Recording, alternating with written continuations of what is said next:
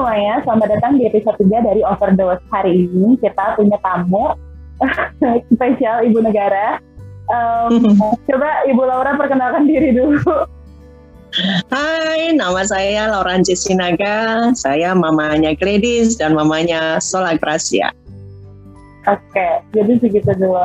Hari ini tuh khusus pakai undang Mama Laura karena uh, dalam banyak hal, misalnya kayak aku nulis blog atau aku sama teman-teman dekat aku pasti uh, kayak pada suka banget kayak uh, bilang kalau Mama Laura tuh beda cara pikirnya dari orang lain. Ada yang teman aku yang bilang kalau uh, bilang Mama Laura liberal atau bilangnya Mama Laura tuh pemikirannya terbuka kayak gitu. Jadi uh, kita coba dengar ya apa sih sebenarnya yang bikin orang-orang tuh berpikir kalau mamanya Gladys dan Ciani pemikirannya itu beda dari orang lain.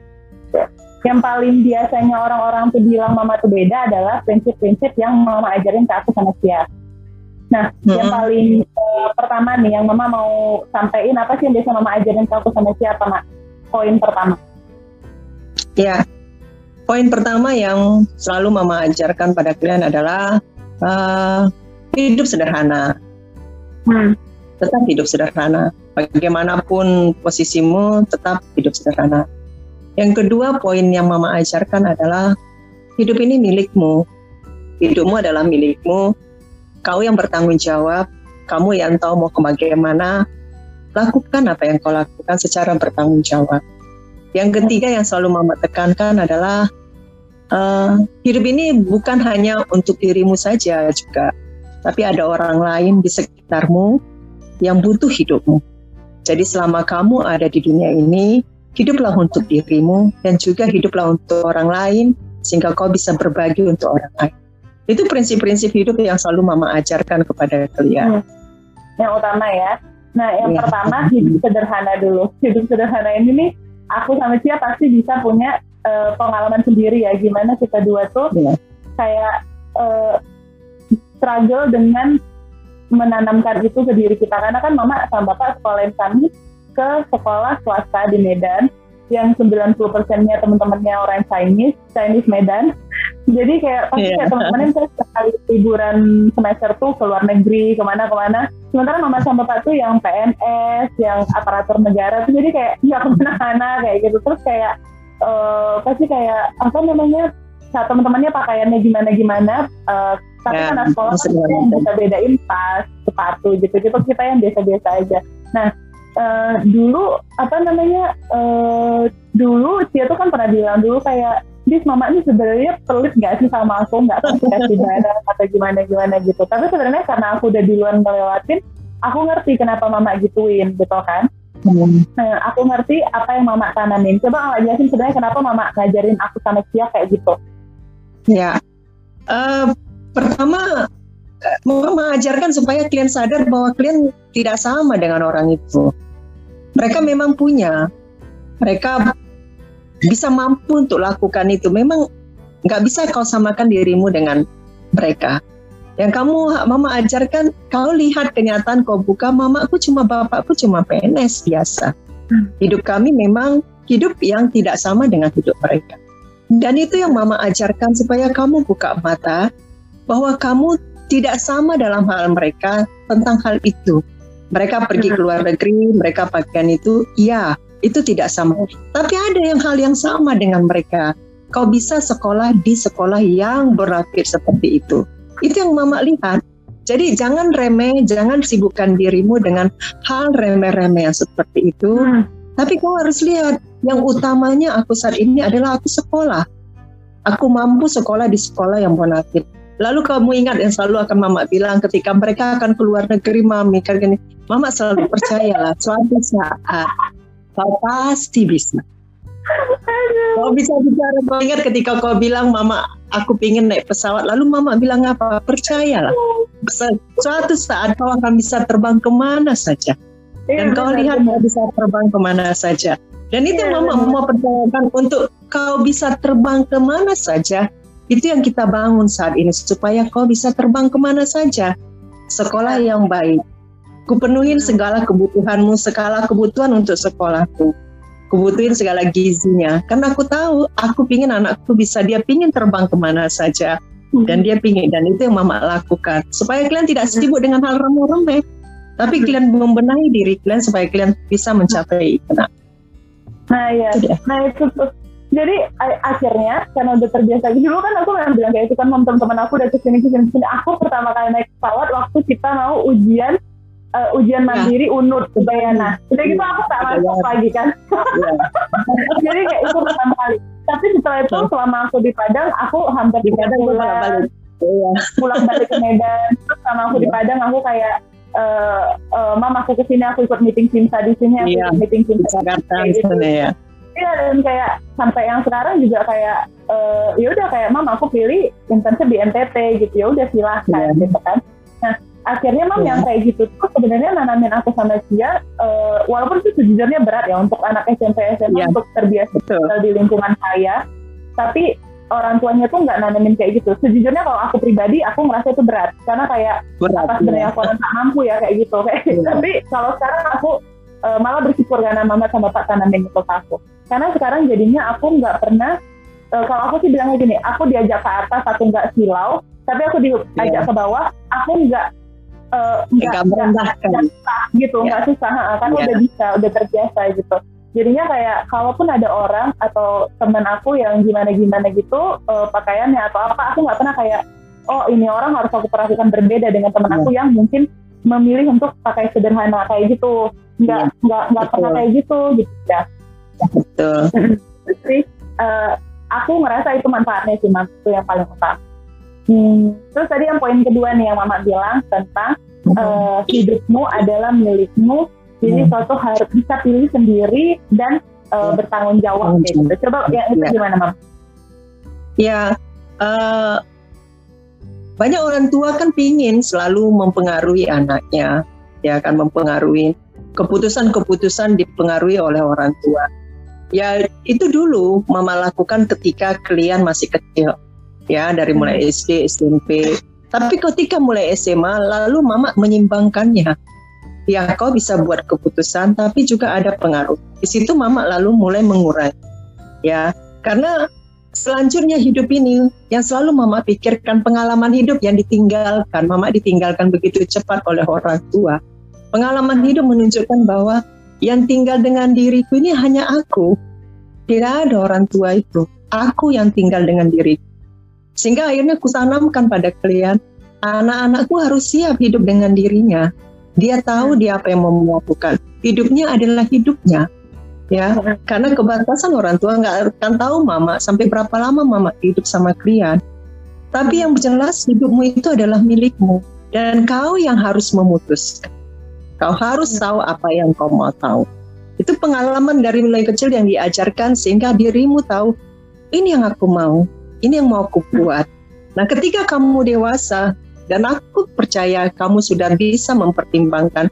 Ketika kamu datang, mama aku mau kemari, mama aku mau balik. Aku yakin itu sudah kau pikirkan itu penting buatmu. Kau tahu apa yang aku mau. Sehingga aku hanya bisa bilang, ya pikirlah, lakukanlah. Kalau memang itu memang baik untukmu. Itu yang mama. Mama lakukan untuk kalian. Iya benar-benar. Nah ini kali makanya uh, jatuhnya kalau di temen beberapa teman aku tuh bilangnya kayak uh, eh bukan beberapa ada teman aku yang bilang kalau uh, ya Mama Laura tuh liberal kayak gitu. Padahal sebenarnya enggak dia sama Mama sama aku Mama sama Bapak sama sekali bukan liberal, uh, tapi mengajarkan poin uh, uh, hidup yang apa ya?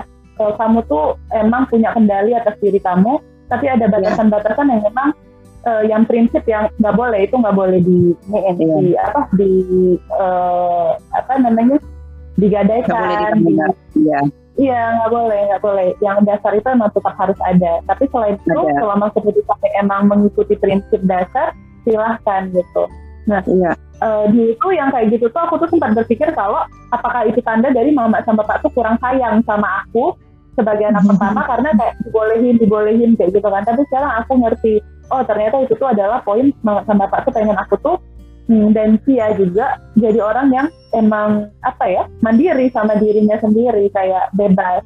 Karena kalian iya. juga nggak pernah kayak misalnya aku sama Cia bilang mam kami tuh pengen aku pengen ini pengen nanti kalau udah besar tuh kayak gini. Nggak pernah satu kali pun kayak itu tuh terlalu besar itu tuh nggak mungkin iya, nam kita tuh iya. cuma kayak itu nggak pernah yang kayak gitu. Nggak ada itu uh, Semama selalu menghargai setiap mimpi klien. Bahkan ketika bilang, ayo kita jalan-jalan lihat rumah besar, rumah mewah. Aku mau nemanin karena itu tidak ada mimpi yang besar. Mama temanin jalan keliling-keliling rumah besar lalu lihat rumah besar. Itu mimpi dan aku mama yakin mimpi itu akan selalu teringat di pikiran dan itu akan mendorong klien untuk mencapainya.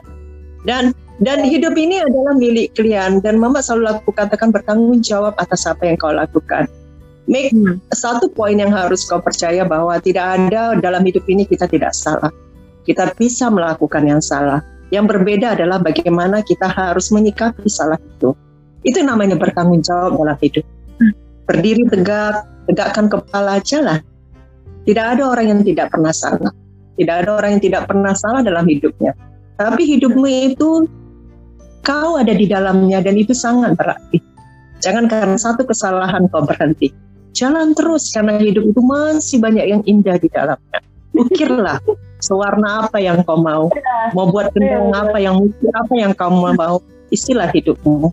Itu Ya benar itu yang mau bisa bilang kalau uh, warnailah kanvas kehidupanmu sendiri. Iya. Gitu. Seindah yang iya. kau mau, seberwarna yang kau mau. yang mau kau. Iya.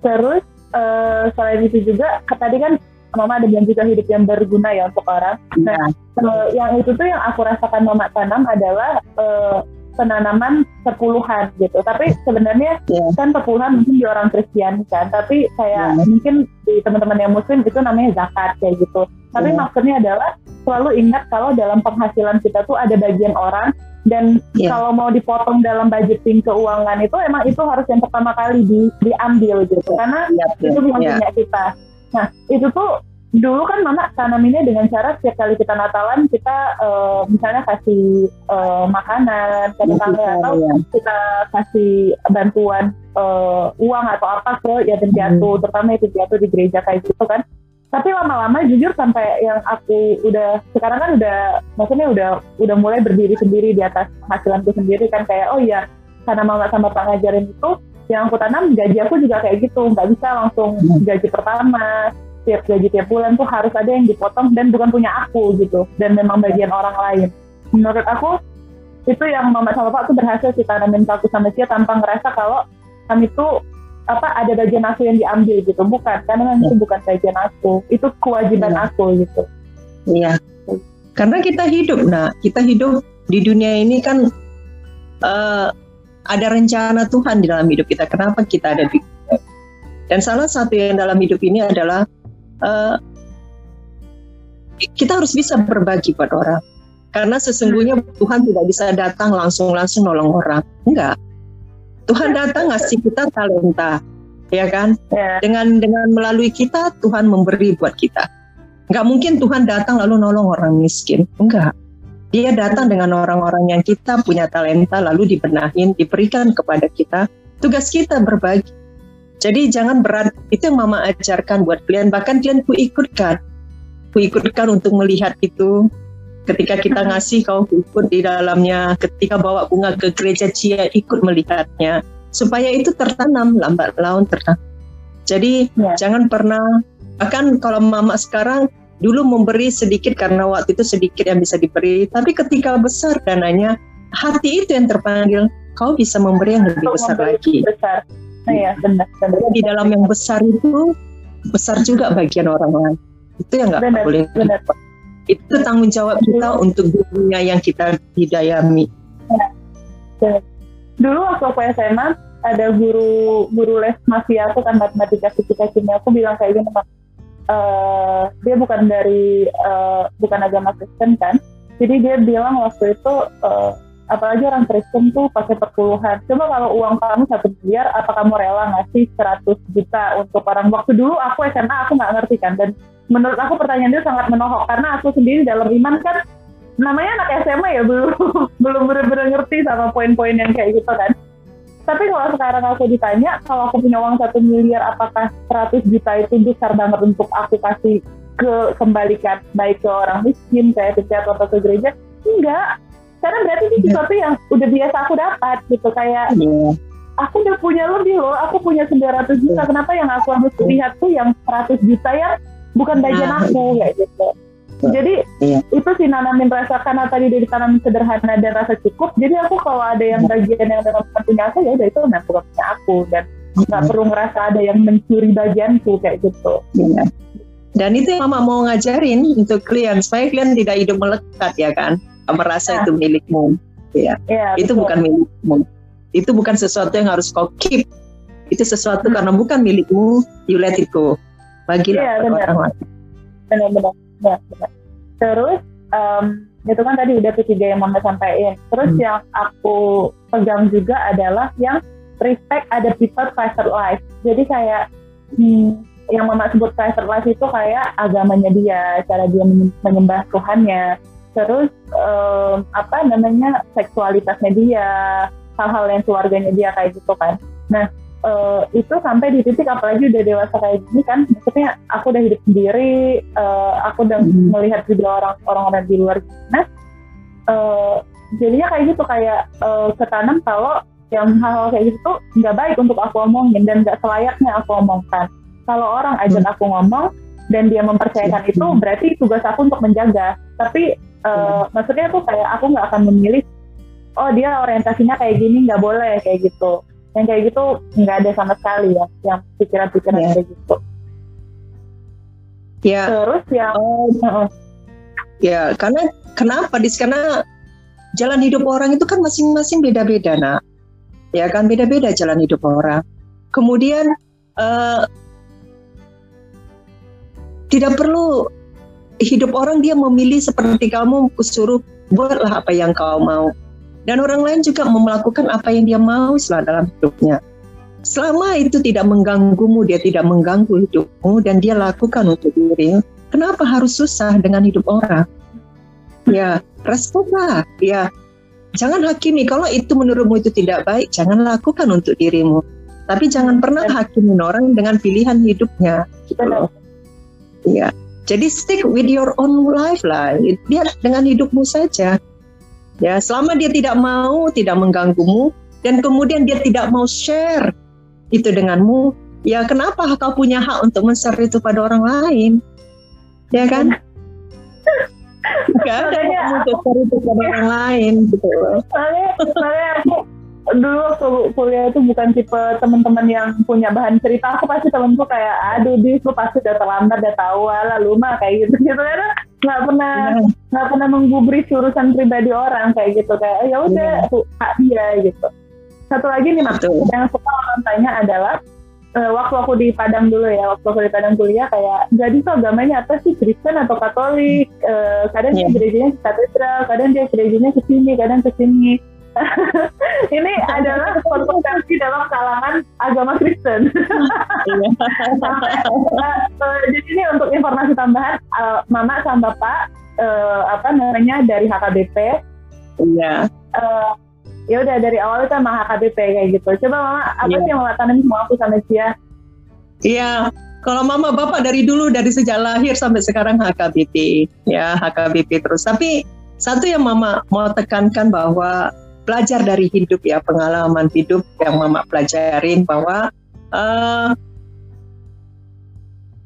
kita itu sama saja ya ini menurut mama ya menurut mama tidak ada yang berbeda di dalam kekristenan itu mau aliran apa atau semuanya menyembah kepada satu Tuhan ya kan Tuhan Yesus.